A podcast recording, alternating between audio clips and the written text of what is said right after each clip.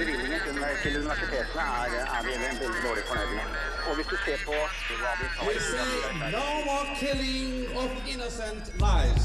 Ja, det, den saken eh, tapte vi i Soria Moria-forhandlingene. Men hvorfor tapte dere når alle er enige om det?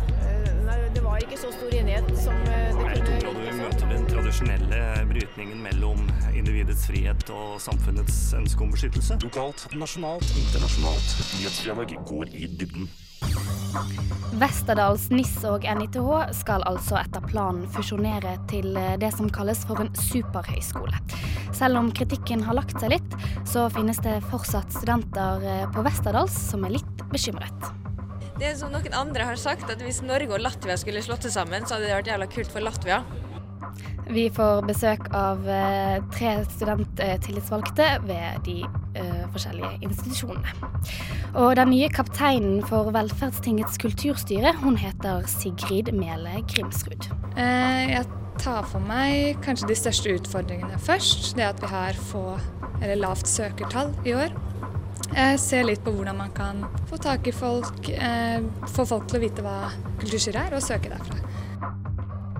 Og eh, kunnskapsministeren han er i dag i Forskningsparken for å se på hvordan universitetet samarbeider med næringsliv om forskning og utdanning. Og vi, vi er selvsagt til stede. Nyhetsfredag. Fredager klokken 11 på Radio Nova FM 99,3. Du hører på Nyhetsfredag, studentenes aktualitetsmagasin her på Radio Nova, og mitt navn det er Marie Røsland. Studentuken i hovedstaden den begynte brått med nyheten om fusjoneringsplanene til de tre teknologiske og kreative høyskolene NIS, NITH og Westerdals. Hvor skeptiske studentene egentlig er, det skal du få svar på om ikke så lenge. Vi skal også få svar på om den nye planen for lektorutdanningen ved Universitetet i Oslo gjør UiO best på lektorutdanning. Når vi nå snart skal få besøk av eh, leder for eh, lektorprogrammets eh, programutvalg og prodekan ved Det humanistiske fakultet som skal debattere. Men først skal du få ukens viktigste studentnyheter. Nyhetsfredag gir deg ukas viktigste studentnyheter. En ny gjennomgang av strukturene i høyere utdanning vil sannsynligvis føre til sammenslåinger og nedleggelser, sier kunnskapsminister Torbjørn Røe Isaksen på kontaktkonferansen tirsdag denne uken. Isaksen hadde på forhånd meldt at han ville legge fram en plan på syv konkrete tiltak om regjeringens mål for høyere utdanning og forskning. Fra talerstolen uttaler ministeren at det norske institusjonslandskapet ikke skal fredes. Ovenfor Radionova understreker han at det ikke er et mål alene om å legge ned utdanningsinstitusjoner. Ja, altså, selvfølgelig er kvalitet er, Alle er opptatt av kvalitet i høyere utdanning. Men mitt spørsmål er, eh, har vi den optimale strukturen for å skape best mulig kvalitet i norsk høyere utdanning og norsk forskning? Hvis svaret på det er ja, vel, da har vi ikke noe problem. Hvis svaret på det er, som mange har antydet før, nei, ja, da er det naturlig å tenke på eh, om det også skal få følger for strukturen. Reporter her var Helge Schwitters. Siden 2010 er 250 millioner kroner bevilget til bedre samarbeid, arbeidsdeling og konsentrasjon i høyere utdanning i Norge. Men resultatene lar vente på seg. Leder i Norsk studentorganisasjon, Ola Magnussen Rydje, sa på kontaktkonferansen tirsdag at dette var betydelig sløsing med offentlige penger, ettersom at ingen har sett noe til denne arbeidsdelingen. Torsdag la Universitet- og høyskolerådet frem en rapport om den norske publiseringsindikatoren, eller populært kalt tellekantsystemet. Ordningen fra 2006 innebar at tildelingen av midler til forskning i stigende grad er koblet til denne prestasjonsindikatoren. Rapporten viser en vekst på 90% i forskningspublisering, men at kvaliteten på forskningen ikke har økt like mye. Det var ukens viktigste studentnyheter. Adrian Nyhammer Olsen.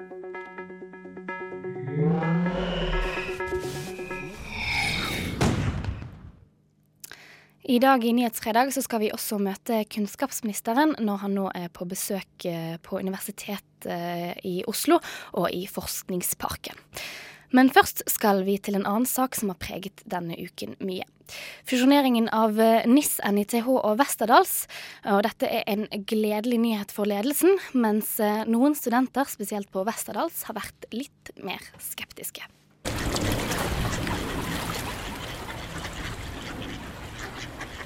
Endene i Akerselven kvakker. Det gjør også studenter i bygget bak elven etter mandagens bombe ble droppet. Westerdals slås sammen med Nordisk institutt for scene og studio NIS og Norges informasjonsteknologiske høgskole NITH. Det er som noen andre har sagt, at hvis Norge og Latvia skulle slått seg sammen, så hadde det vært jævla kult for Latvia. Men uh, føler du at uh, Westerdals er Norge og NIS og NITH da er Latvia? uh, vi har, er den mest prestisjetunge skolen av dem tre. Fordi at hvis du legger deg på svøm i elven og havner på NIS, er det en skole som Westerdal-studentene vurderer litt annerledes enn sin egen. Jeg er skeptisk. Jeg, synes, jeg er litt skeptisk, bare. Eh, jeg er nok litt mer usikker, eh, eller skeptisk. Men hva er det de er skeptiske til? Hva er det som uroer de? Jeg er litt redd for renommeet. Navnet. Navnet har jo et rykte fra før. Jeg tenker at det blir mindre eksklusivt. Jeg håper jo at det blir uh, like sterkt som det er i dag, men uh, nå er vi jo 1700 istedenfor 300 elever, da, så det spørs nok om ikke det blir litt svekka. Eh, jeg tror egentlig de kommer bedre ut av det enn Westerdals gjør. Men vi får bare håpe at det blir positivt for alle. Ja, Reporter her det var Adrian eh, Nyhammer Olsen. Og Aleksander eh, Batnes, du er studenttillitsvalgt på Westerdals. Og er skolen din Norge og de to andre Latvia, slik vi hørte i denne reportasjen? Ja, altså i, eh, Fra et subjektivt perspektiv så er det godt mulig at enkelte kan mene det, men eh, jeg tror nok noe som karakteriserer slike situasjoner som, som denne fusjonen er, er jo det at det kommer veldig mange meninger veldig tidlig. Eh, ofte så er det lett for de som kanskje ikke er mest fornøyd å skrike høyest og ikke minst først. Når man får, eh, får tatt det litt til seg, reflektert litt rundt det, så, eh, så tror jeg folk kommer til å se langt flere muligheter av positive sider enn eh, negative sider ved, ved fusjonen. Og Jole Joel Christensen, du er studentleder på NITH, eller uh, Norsk eh, eh, Norges. Norges eh, informasjonsteknologiske høgskole. Eh, og er, er det en grunn for at gjerne Westerdal-studentene er litt mer skeptiske enn det dine medstudenter er? Jeg satt og tenkte på det litt tidligere i dag, og en av tingene jeg kom opp med, det er at uh, altså alle tre skoler blir jo eid av samme, uh, samme eier. Uh, og en av tingene som de har hatt stor fokus på, er jo å kunne bygge opp bransjespesifikke utdannelser som folk er keen på, eller bransjen har lyst på. Så det er klart, vi sitter jo alle tre skoler med en, en sans som liksom Ja, men vi er veldig dyktige til det vi driver med. Hvorfor skal vi slå oss sammen til én stor skole? og det er vel nok en av grunnene til at Westerdals også kanskje har de meningene de har, det er at de er en veldig prestisjetung skole. Eh, men de må kanskje også ta med seg i beregning at det er en ITH også. Det er NIS også, på hver sin måte. Eh, en også ting som kanskje skal tas frem, det er at de er veldig altså Westerdals er veldig eh, patriotiske, på samme måte som vi er det. Eh, de er også nerds på sine egne måter, som vi er det. Du trenger ikke være en datanerd for å være en nerd, men du kan være veldig opptatt av det du driver med. veldig eh, passionate om det du gjør, og det betyr som oftest at det du gjør, det betyr veldig mye, og det, det er en ting vi har til felles, alle skolene. Og vi skal få med oss eh, en tredje part eh, også. For med oss på telefon så har vi Tor eh, Lønning Årestad, som er studenttillitsvalgt på NIS, eller Nordisk institutt for scene og studio. Og hvordan er det dine medstudenter har reagert på fusjonen? Stort sett så har det jo vært veldig positive tilbakemeldinger fra de studentene som jeg har snakket med. Og det har selvfølgelig vært også noen, noen litt urolighet i forhold til navn, men det er sånne små ting som etter hvert tror jeg vil bli veldig bra allikevel. fordi det er som blir sagt her, at det, på sånne nye, nye omveltninger så vil det komme en del reaksjoner til å begynne med. Og alle skolene er jo eh, veldig patriotiske også i forhold til det de driver med selv, fordi alle mener jo at de er best. Men, eh, men stort sett så mener studentene på NIS at dette her vil åpne opp for nye muligheter og nye samarbeid på tvers over enda flere fag enn det som er mulig allerede nå. Ja, for Westerdals får beholde navnet sitt uh, her, uh, og som vi hørte i reportasjen, så var jo det, det navnet Westerdals da, som virkelig står støtt her. og da kan vi gå tilbake til deg, Aleksander. Er, er det Du sier at dette er veldig sånn typiske reaksjoner, men det, ligger det noe i det? er det noe å frykte at dette omdømmet, ikke bare til Westerdalshjerne, men også av de andre institusjonene, kan bli svekket, da? Altså som, som, separate enheter, ja, kanskje det kan bli svekka ved at identitetene til da Westerdals, NITH og NIS eh, hver for seg eh, ikke vil ha eh, like stor tyngde på det spesifikke feltet. Eh, men det det handler om her, er jo det som, eh, som begge mine to heldigvis kommende medstudenter eh, nevner. Og det er jo det at mulighetene som, som, både eierne til skolene og som ledelsen i de forskjellige skolene nå har sett gjennom lange drøftelsesprosesser, er at selv om eh, hver skole er veldig flinke på sine ting og har sine ting som de er stolt av, dyktige på, som bransjen trenger, så kan det potensielt gagne alle at vi lærer av hverandre, at vi samarbeider med hverandre, og at vi har eh, tettere bånd. Så klart, det kunne vært gjort på mange måter, men når situasjonen er sånn som den er, så tror jeg at det vil bringe mer positivt med seg med en fusjon sånn som vi ser det i dag. Hva navnet er, det tror jeg egentlig i lengden er, er, mer irrelevant enn folk tenker per i dag. Eh, det har vært masse fusjoner tidligere som, som ikke har svekka på noen måte. Fra fra min egen skole så kan jeg jo bl.a. nevne at eh, eksponeringsdesignlinja, som nå heter retail design, eh, den var jo lenge en del av Westerdals, selv om den fortsatt beholdt navnet Wolf, som mm. den jo stammer fra. Det var ingen, verken lærere eller studenter, som, som merka nevneverdig forskjell verken ved kvalitet i faga eller omdømme i bransjen etter at Eh, at, den nevnte linja gikk inn under Westerdalsnavnet. Eh, og som jeg nevnte tidligere, så tror jeg at navn er mer eller mindre irrelevant. Bransjen kjenner til dette. Bransjen tenker ikke på navnet. Men nå er det jo det vi er kommet over på alt alle disse mulighetene, som vi også hørte ledelsen ved institusjonen sa i uh, onsdagens emneknaggen her på Nova. Men det går jo ikke knirkefritt, dette, nødvendigvis. Eh, hva slags utfordringer er det spesielt studentene som nå vil være med å være studenter under fusjonen, kan stå overfor, Jol? Altså, dette blir jo delt opp i faser. Eh, nå frem mot 1.7, som er satt datoen for fusjonen i seg selv, så vil vi være tre separate enheter. Men i den prosessen så vil vi ha arbeidsgrupper, da spesielt en arbeidsgruppe utelukkende av studenter som vil ta hånd om eh, slike ting som hvor skal linjene ligge under de forskjellige fem fakultetene. Eh, hvordan skal studentorganisasjonen se ut når vi nå blir satt sammen? Eh, hvordan blir samfunnet seende ut som en helhet?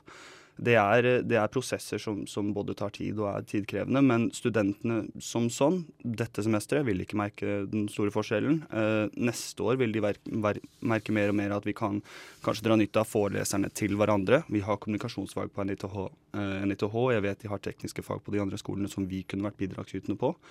Eh, det vil også åpne muligheter kanskje år etter det for å kunne sette sammen fag eh, på valgfagsbasis. Eh, sånne ting. Sånn at man har interesseområder som spres. Jeg tror, jeg tror egentlig, i hvert fall på sikt, at det utelukkende vil være positivt å sette tre gode skoler sammen.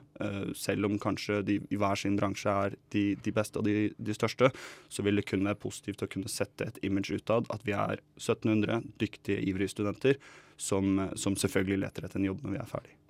Eh, tilbake til deg, Tor. Eh, eh, er du sånn som dere, eh, eller dere på Nisse, dere også at det vil være utfordringer gjerne altså på kort sikt, da, eh, for, eh, for, med tanke på denne fusjonen? Nei, På kort sikt så vil det jo ikke være noen studenter som blir påvirket av denne fusjonen. Det er som blir nevnt her før, at, at det er, er, i forskjellige steg. og det vil jo tid Og det handler jo om bygningsmasse osv. før man da blir flyttet sammen. Men eh, det er først til neste år da som at vi kan utnyttes, eller utnytte forskjellige eh, lærere hos de forskjellige skolene eh, overalt f.eks. Det vil kanskje bli flere studentsamlinger eh, med alle skolene. Men når det gjelder selve, selve hvordan, hvordan skolegangen er, så vil jo ikke det bli påvirket. Men kanskje en av de største utfordringene er jo da i forhold til det med identitet, er at alle elevene ved alle skolene de må ta vare på sin identitet, eh, som, man, som vi mener er så veldig, eh, veldig sterk hos hver enkelt skole, og ta det med i det nye, slik at vi kan bygge opp den, det nye navnet også. Ja, nå har du eh, to sittende i studio her som også nikker med deg. Og med det så må vi si takk til eh, dere. Eh, Alexander eh, Båtne, studenttillitsvalgt på Westerdals. Joel Christensen, studentleder på NITH. Og Tor Lønning Årestad, studenttillitsvalgt på NIS. Nyhetsfredag går i dybden. Vi skal eh, snart over eh, å debattere lektorprogrammet på Universitetet i Oslo. Men før skal du få eh, Postiljonen med How Will You I Know All That We Had Is Lost. Radio Nova. Du hører på Nyhetsfredag her på Radio Nova. Og eh, som vi lovet, skal vi debattere lektorprogrammet på Universitetet i Oslo. For høsten 2014 så skal eh, det bli et annerledes eh, lektorprogram. Og dette programmet kritiseres av Lektorprogrammets programutvalg, eller LPU. Eh, og Andreas Mathisen, du er leder for LPU. Og hva Mm. er det dere reagerer på her? Eh, Hovedsakelig det vi reagerer på, er jo at eh, når man vel søker seg inn på lektorutdanninga, så velger man to fag. La oss si da historie og norsk, da. Hvor det er historie som hovedfag, som du har 180 studiepoeng i, mens da norsk er da det andre faget, da, som du har 60 studiepoeng i. Og det som blir nå med den nye modellen, er at hele det første året, altså de to første semestrene, vil da gå til fag to. Mens tidligere har det vært sånn at fag to har vært litt mer spredd utover, og at studentene det første året har møtt både fag 1, fag 2 og skolen, da. At man har vært ute i praksis og hatt skolerelevante fag. Så vi tror at det vil være veldig negativt for studentene å ha et helt år før de møter verken skolefag eller sitt hovedfag, da. Og, men eh, studiedekan eh, ved Det humanistiske fakultet, eh, Gro Bjørnerud Moe, hvorfor har dere latt dette programmet gått igjennom da, når eh, studentene er, har vist å være såpass kritiske til det? Eh, Jeg tror vi må ta bitte litt sånn tilbakeblikk. fordi Grunnen til at vi skal eh, ha en helt ny modell nå fra høsten 2014, det er at det har kommet helt nye rammeplaner. Altså en politisk styring av hele lærerutdanningen i Norge. Og også universitetet har blitt pålagt helt nye krav for hvordan vi skal utdanne lærere. Og gitt den situasjonen som er for norsk skole i dag, så, jo, så forstår vi jo at eh, skolen er høyt på dagsordenen. Så Det er bakgrunnen for at vi får de endringene som vi får nå. Så er det sånn at eh, det vi er uenige med studentene om, og som har vært en uenighet som har vært åpen og diskutert i alle eh, de organene jeg kjenner til at disse diskusjonene har vært ført, eh, der har det vært sånn, vi er uenige om første året. Dette er et femårig løp, og vi er uenige om oppbyggingen på det første året. Der ønsker studentene seg å møte hele programmet i løpet av det første året. Det er sånn som jeg ser situasjonen. Eh, Det kunne sikkert vært ønskelig, men jeg forstår ikke hvordan det skulle være mulig å realisere det. Og jeg kan forklare det hvis du vil det. Kan gå tilbake igjen Ja. til deg, Andreas. Hvorfor eh, har det vært eh, urealistiske på ønskene deres? Nei, altså vi hadde jo, eh, Da denne modellen ble vedtatt, så ble den vedtatt framfor en alternativ modell som, vi, eh, som var utarbeida fra ILS, UV-fakultetet, som presentert fra dem i utgangspunktet, men da eh, jobba videre med av studentene, av oss, da. Og der var det sånn at eh, det første semesteret så hadde man et fag da som heter XPED, som er det første profesjonsfaget da, eh, i lærerstudiet. Hvor man da er ute i praksis og får litt sånn lærerteoretisk blikk på det. Så vi hadde det i første semester. Og så hadde vi da i tredje semester hadde vi da et annet fag som var knytta til praksis, som var da et eh, i fag 1, altså hovedfaget, som var direkte knytta til praksis. Som også da rammeplanen sier altså er, er ønskelig at praksis skal integreres i, i disse fagene. Um, så det, og vi hadde en modell da som da uh, tilsier endring på bachelornivå, fremfor den modellen som er vedtatt nå, som da tilsier endring på masternivå. Så vi tror da ut ifra uh, sånn som jeg oppfatter HF og sånn, at det vil være faktisk mer problematisk å endre på masternivå og endre fagene der. Og det har også blitt gitt uttrykk for i programrådet, bl.a. for uh, Institutt for uh, historie, at de ser at det blir litt problematisk å få den praksisbiten som nå da blir flytta helt opp til masternivå. Fordi det rammeplanen sier, er at praksis skal være 100 dager totalt, og at det skal fordeles over fire av fem år. Så vi tror at det å ha det i første året ville gjort det enklere også. Så det at det er urealistisk, det er ikke enig i, i i det hele tatt. Ja. Jeg kan bare si hva vi er opptatt av. Vi er opptatt av ikke bare førsteåret, men vi er opptatt av kvaliteten på hele løpet. Så er vi utrolig opptatt av å se studentene i førsteåret. Og det mener jeg har vært svakheten i dagens modell. At studentene har vært spredd så mange steder at det har vært en institusjonell umulighet å se alle studentene på lektorprogrammet. Derfor har jeg et enormt behov for å samle den første året, for å sikre at de blir sett. Det vet vi er helt avgjørende for læringsmiljøet for Men er dette den beste måten å samle de på første året, da? Eh, Det er i hvert fall den mest realistiske i dagens eh, situasjon. Det er sånn at lektorprogrammet har vært gjennom flere endringer i studieløpet sitt. Jeg tror ikke dette blir den siste, men eh, frafallet fra programmet har vært skyhøyt. For å sikre at vi skal forhindre det i framtida, så har jeg ikke noen andre grep nå. Men sånn som eh, Andreas påpeker her, at eh, å bli tvunget til å jobbe med eh, bare fag nummer to et helt år, vil ikke det være med på å gjøre studentene umotivert for det de egentlig har lyst til å gjøre, å undervise i fag nummer én? Eh, Jeg tenker at det er å forenkle situasjonen unødvendig mye. Eh, eh, Når man skal opp på lektorprogrammet, så skal man ta to fag. Det er veldig god søkning til programmet. Det er motiverte, flinke studenter. Eh, Vi må forutsette at de brenner for begge fagene sine, og at eh, de brenner både for fag to og for fag én. Fordelen, mener vi, med denne modellen, det er at når du da møter fag én, så får du anledning til å fordype deg i det og ha en kontinuitet og en kvalitet på fag én som vi ikke har i dagens situasjon. Er det en mulighet eh, for enda mer fordypning i fag én, eh, sånn som Gro sier her? Altså Det som skjer da, er jo at eh, studentene blir samla. Ja, første året så går alle studentene samla i en sånn type årsenhet. Men man blir jo da samla i fag to og gjør seg ferdig med det. Så den kullfølelsen som eventuelt skapes da, er jo de folkene man har med å gjøre der, vil man jo ikke ha med å gjøre i den faglige fordypninga i fag 1. Så det å skape en kullfølelse i et fag som studentene bare har i et år, framfor å skape en kullfølelse i type exped profesjonsfag med lektorstudenter som de vil treffe igjen, det mener jeg er, er en dårlig måte å gjøre det på.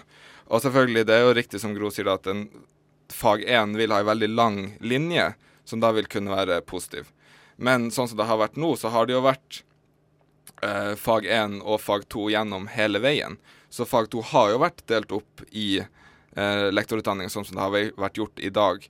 Så jeg ser litt at den rammeplanen som, skal, som er veldig veldig positiv for eh, lektorprogrammet, og som vi skal applaudere absolutt, den blir da brukt til å gjøre, lage et program som er enklere å administrere, samtidig framfor å lage et program som eh, blir bedre faglig sett. Ja, for akkurat uh, dette bedre faglig sett eh, eh, Universitetet har fra øvre hold sagt at i to, innen 2020 så skal Universitetet i Oslo tilby den beste lektorutdanningen. Med dette programmet, vil det da være det? Det vil jeg mene. Jeg mener at det, det beste argumentet studentene har, er at det er en absurditet på en måte å skape kullfølelse i fag to, fordi at da vil de på en måte aldri se hverandre igjen. På en måte er det sant. Men ulempen med å, med å, øh, å ikke skape den kullfølelsen, som er dagens situasjon, det er at du får et frafall over 50% fra det første året fordi du ikke klarer å se studentene, for de spres for mange steder.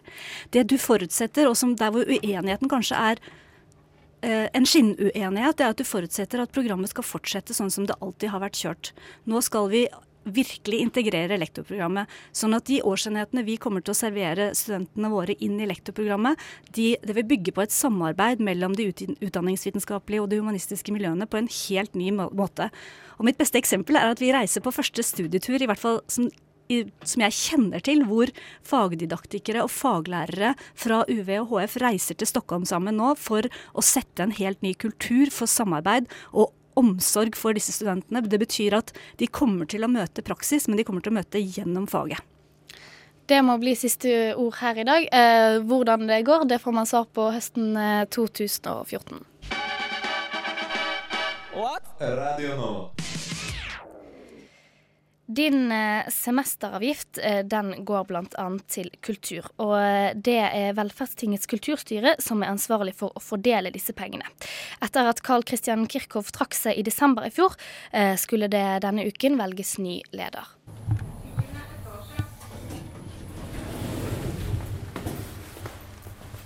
De hadde gjemt seg godt, men var øverst i Lucy Smiths hus.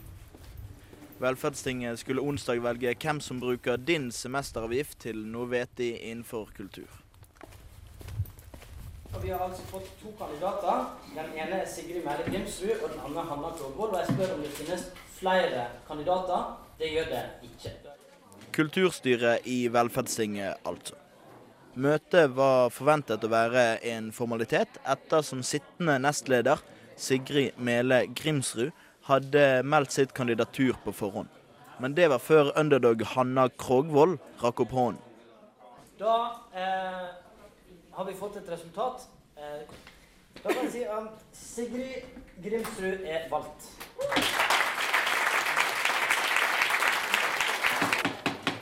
Det skulle ta 52 minutter med organisasjonsrunking før dagens eneste gjøremål kunne gjøres. Gi meg et halvt, eh, sekund, så kan vi finne ut av dette gjennom, eh, gjennom det tekniske. Fins den en dagsorden? Godkjent. Den er godkjent. De er valgt. Når roen hadde lagt seg, sto en glad, nyvalgt leder igjen. Hva er det første du gjør eh, når du, når du går inn i det nye vervet? Eh, jeg tar for meg kanskje de største utfordringene først. Det at vi har få, eller lavt søkertall i år. Jeg ser litt på hvordan man kan få tak i folk, eh, få folk til å vite hva kulturstyret er, og søke derfra. Hvordan eh, har du tenkt til å så, eh, gjøre det?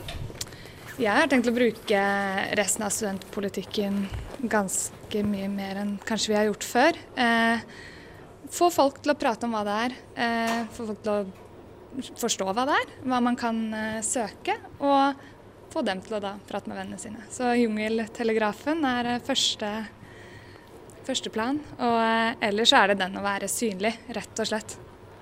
Overalt, egentlig. Nå har du sittet som eh, nestleder eh, for Karl Kristian Kirchhoff, eh, og du har sett hvordan det har vært under hans ledelse. Hvordan vil din ledelse skille deg ut fra hans?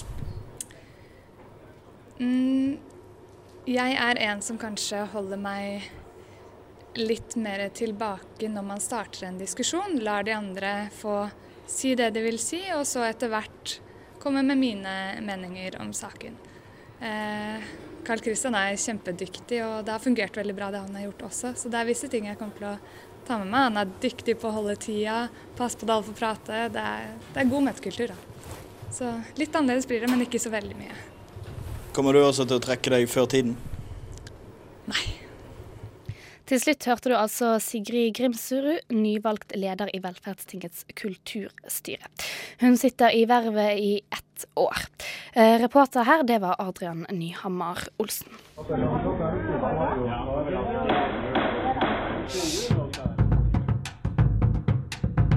Nyhetsbredag. Nyhetsfredag.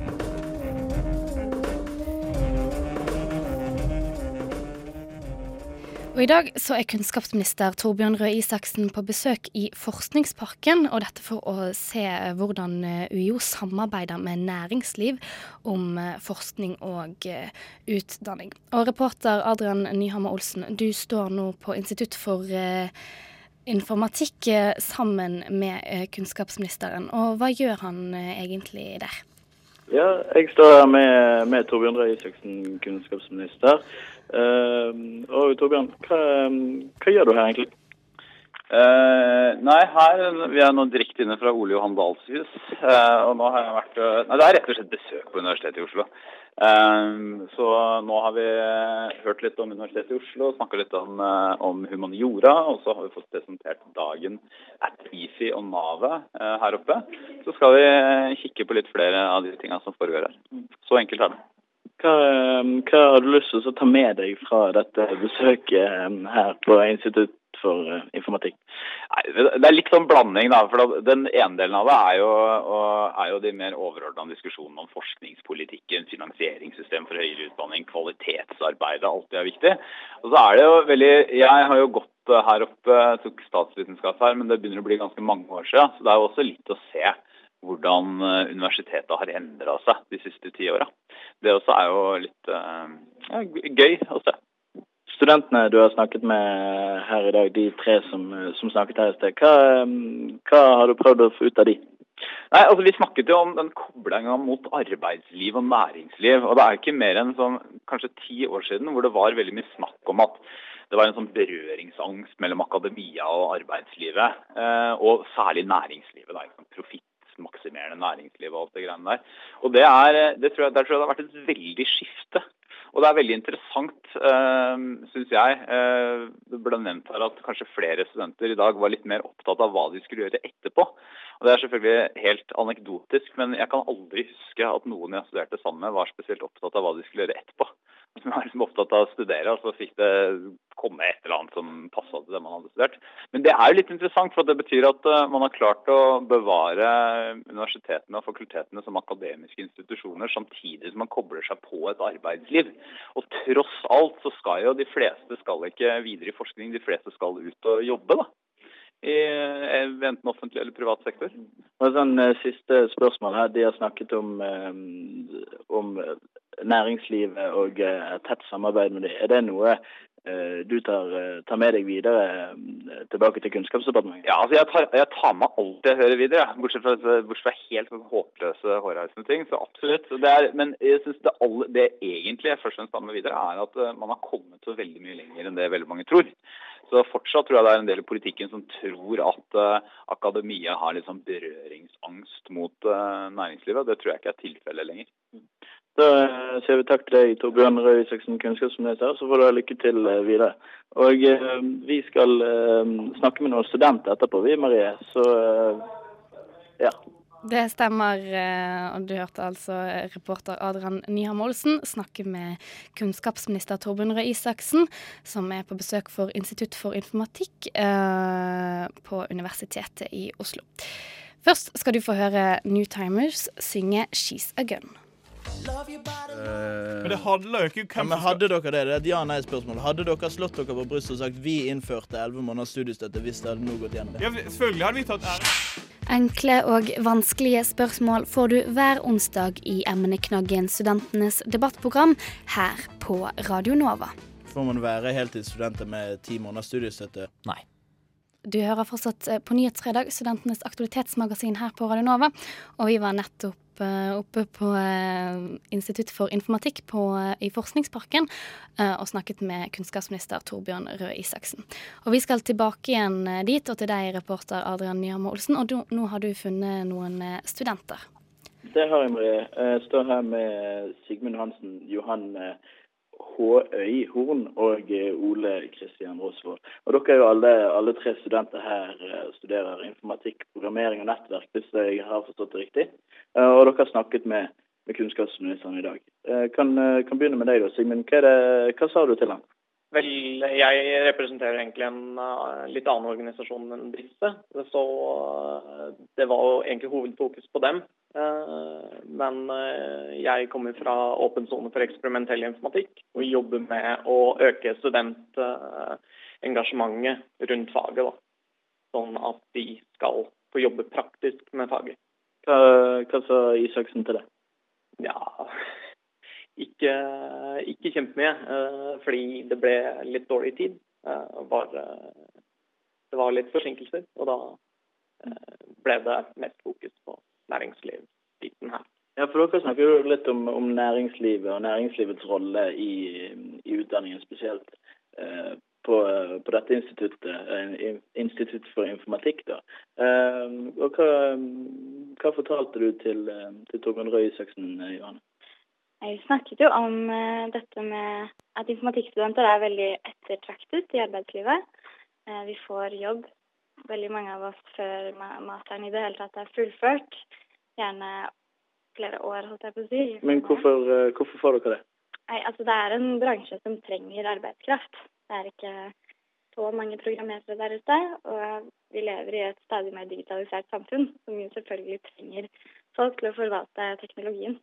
Men jeg bare tenk at deres utdanningsinstitusjon har jo en, eh, et, et samarbeid med, med næringslivet. Hvordan, eh, hvordan fungerer det, Ole Kristian? Det fungerer på den måten at gjennom eh, organisasjonene Dagen et IFI og Navet, som er bedriftskontakten med instituttet, så kommer bedriftene på besøk til oss. Eh, De eh, holder, står på stand, eh, og de holder foredrag og lyntaler.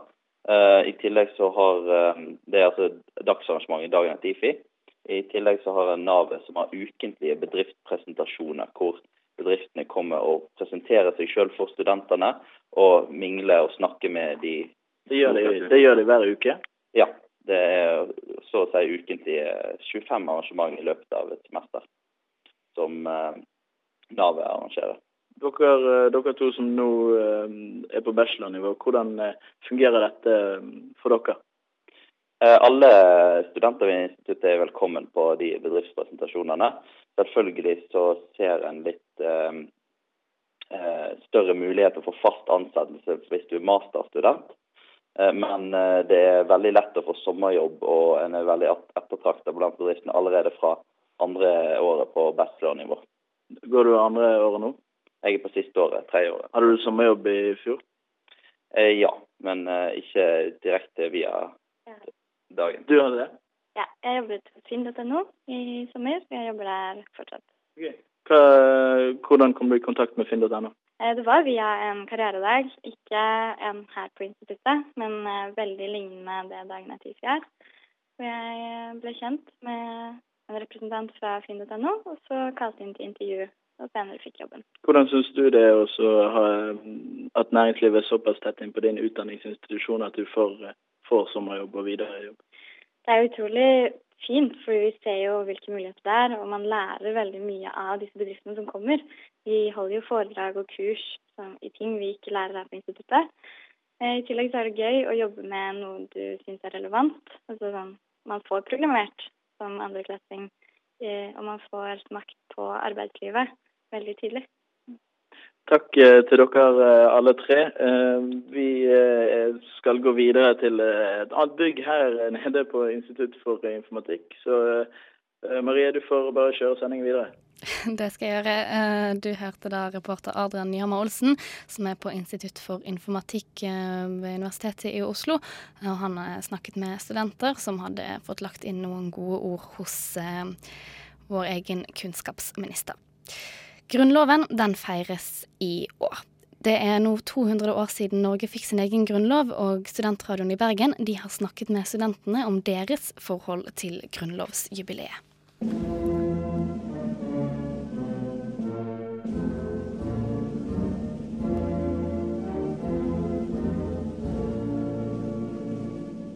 På samme måte som kjærligheten er et fundament i menneskelivet, er Grunnloven et fundament for nasjonen Norge. For 200 år siden samlet en gruppe menn seg på Eidsvoll for å lage loven som skulle bli grunnlaget til det selvstendige Norge. I sin nyttårstale til folket valgte kong Harald å fokusere på Norges grunnlov. Ikke så rart, kanskje. I år er det tross alt 200-årsjubileumet for Grunnloven. Men hva er det studentene først tenker på når du sier ordet Grunnloven? tenker 17. mai. Eidsvoll. 1817. Nei. 14 var nesten iallfall. Ja.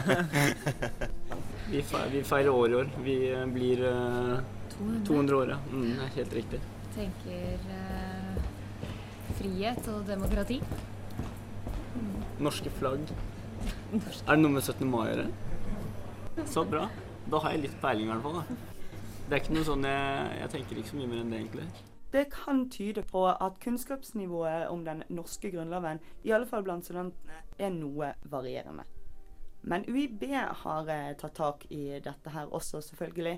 De har et dannelsesemne som omhandler Grunnloven. Og eh, førsteamanuensis eh, Jan Reinert Karlsen han er ikke i tvil om betydningen til Norges grunnlov. Grunnloven er det viktigste skrevne dokumentet sannsynligvis som vi har i Norge. Og Grunnloven bestemmer hvilken styreform som vi skal ha i Norge.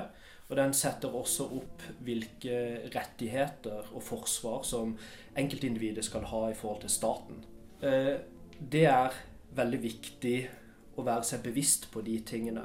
Og det er veldig viktig også å være bevisst på eh, den særegne eh, grunnlovshistorien som vi har i Norge. Hvilken betydning Grunnloven skal ha, det er åpent. Et åpent spørsmål og er noe som hver generasjon må eh, definere selv. En av Carlsens tidligere studenter, Werner Sævland, han har tatt dette dannelsesemnet, og han sitter igjen med et litt annet perspektiv på hva betydningen til den norske grunnloven egentlig er. De fleste tar vel egentlig Grunnloven litt for gitt. At han på en måte han bare er der. Og litt sånn Gjerne tolker han som symbolsk. Eh, men eh, når Altså, Grunnloven er veldig viktig for oss, og det er en, av de mest fundamentale tingene vi støtter oss opp på. Da, eh, spesielt når det kommer til ytringsfrihet. Der er, det er nevnt i Grunnloven. da. Grunnloven er jo det som gir oss frihet. Og det er dette emnet handler om òg, altså frihet. Igjen, altså, vi kan ta den litt fort for gitt, men det er jo noe vi burde minnes på. da. Det, han er faktisk veldig viktig. Norges grunnlov er altså vårt styringsdokument. Det er det som setter ned reglene for hva vi kan gjøre, og hva myndighetene kan gjøre. Det er det som setter både begrensninger og åpner opp for vår frihet. Kanskje er det da ikke så dumt at vi setter litt ekstra fokus på Norges grunnlov dette året. Selveste jubileumsåret. Jeg håper at vi gjennom jubileumsfeiringen i 2014 vil bli minnet om hva Grunnloven egentlig betyr for oss. Det siste var så Kongens ord, og reporter her det var Katrine Gundersen fra Studentradioen i Bergen. Hver eh, uke her i Nyhetsfredag så får du meningene til vår redaktør Erlend Buflaten.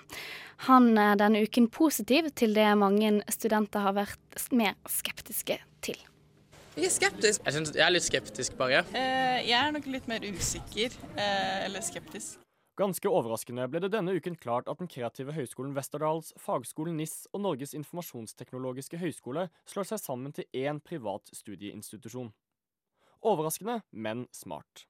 De tre skolene er eid og drevet av samme selskap, og studietilbudet vinner på å få et utvidet kreativt miljø rundt seg. Dette er noe arbeidsmarkedet har etterspurt, kunne rektorene fra de tre skolene fortelle til Aftenposten. Arbeidsmarkedet ønsker seg uteksaminerte som har kjennskap og erfaring fra flere områder innenfor kreative og teknologiske felt. Dette kan sammenslåingen tilby dem. Det er også slik at ingen små studieinstitusjoner kan overleve på lang sikt. For å konkurrere og hevde seg internasjonalt blir de mindre institusjonene oversett, da fagmiljøene er mindre og av den grunn mindre attraktive for ansatte. Skolen vil med det slite med ryktet, og studentene vil flykte. Sammenslåingen fikk på ingen måte den kritikken fra studentene som noen studentmedier ga inntrykk av. Flere var skeptiske, og det er selvfølgelig naturlig. Men i dagene etter nyheten slapp, har det meste av kritikken fra studentene stilnet. Det virker som det har gått opp for dem hvilken mulighet dette gir. Den nye superheltskolen skal bære navnet Westerdals, da dette navnet er den sterkeste merkevaren av de tre. Det er morsomt at ledelsen selv sier dette når studenter ved Westerdals i dag snakker om skolen mer som et high end-merke enn en utdanningsinstitusjon. Jeg er litt redd for renommeet. Navnet. Navnet har jo et rykte fra før. Jeg tenker at det blir mindre eksklusivt. Jeg håper jo at det blir eh, like sterkt som det er i dag, men eh, nå er vi jo 1700 istedenfor 300 elever, da, så det spørs nok om ikke det blir litt svekka. Kanskje sammenslåingen får noen av studentene til å innse at det ikke er navnet Westerdals som får dem jobb når de er ferdige, men hva de har produsert i sin tid på skolen. Sammenslåingen øker forhåpentligvis også interessen fra internasjonale studenter, til tross for høye skolepenger. Å slå sammen Westerdals, NISA og NITH var et fornuftig valg på et fornuftig tidspunkt. Og det bør arbeidsmarkedet, ansatte og studentene juble for. Det var vår redaktør Erlend Buflaten eh, med ukens leder. Og hele den lederen den kan du lese igjen eh, på radionova.no. Nyhetsfredag er over for denne gang, og du finner denne sendingen og enda flere om du søker opp Studentnyhetene på Soundcloud. Vi er tilbake på onsdag i debattprogrammet Emneknaggen, og du finner oss hele tiden på radionova.no. Bidragsytere her har vært eh, Adrian Nyhammer Olsen og tekniker eh, Ida Brenna. Mitt navn det er Marie Røsland, og eh, før du nå skal få radiotjenesten her på Radionova, så skal du få Mopedbart av ingen andre enn Hubba Bubba Klubb.